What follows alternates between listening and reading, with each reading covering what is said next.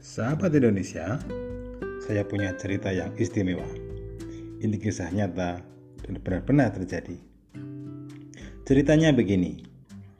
Beberapa waktu lalu, monitor komputer saya rusak. Monitornya bukan yang LED loh, tapi yang masih jenis monitor tabung. Sejak saya beli, monitor itu belum pernah rusak karena saya selalu merawatnya dengan baik. Nah, suatu ketika monitor saya rusak, tidak bisa dipakai. Tabungnya gelap dan tidak bisa hidup. Awalnya saya kira ada kabel yang lepas atau ada bagian-bagian yang kendor. Tapi semua bagian monitor saya itu masih utuh seperti saat saya beli. Bahkan segel-segelnya juga masih utuh seperti semula. Saya tentu saja bingung, kenapa monitor saya tidak bisa dipakai. Padahal monitor saya masih berbalut rapat dan cara logika tidak mungkin rusak. Apa karena ada binatang yang masuk?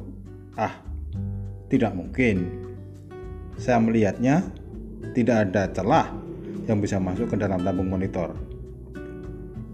Kan monitor saya cuma ada lubang-lubang kecil sebesar besi kedelai. Itu berfungsi sebagai pendingin ketika monitor itu terlalu panas. Lubang-lubang itu untuk masuk udara agar tidak terlalu panas ketika dipakai. Tentu saja saya berpikir keras tentang apa yang menyebabkan komputer saya rusak itu. Karena tidak ketemu penyebabnya, lalu saya bawa monitor saya itu ke tukang servis komputer dan dibongkarlah monitor saya itu. Tapi setelah dibongkar, alangkah terkejutnya saya. Karena apa? Ternyata di dalam tabung komputer saya itu terdapat seekor cicak dengan remah-remah serpian cangkang-cangkang telurnya. Saya kaget, loh dari mana cicak itu bisa masuk ke dalam tabung komputer saya? Dan sudah berapa lama cicak itu berada di dalam tabung monitor saya. Saya berpikir, bisa jadi awalnya ini cecak meletakkan telurnya melalui lubang-lubang kecil di dalam tabung monitor saya itu.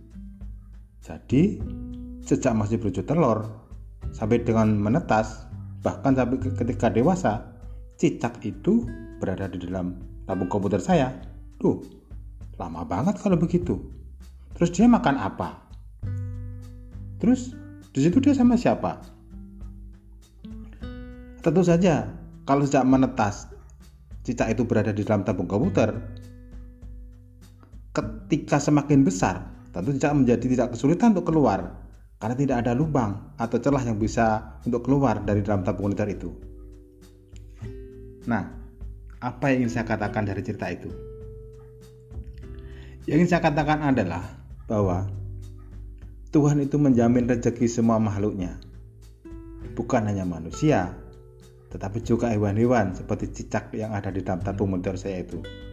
Bahkan bukan hanya hewan dan manusia, tumbuhan juga dijamin rezekinya oleh Tuhan Yang Maha Esa. Asalkan kita mau berusaha. Bagi Tuhan, yang terpenting adalah usaha. Sedang hasil itu berada dalam kekuasaannya yang maha kuasa.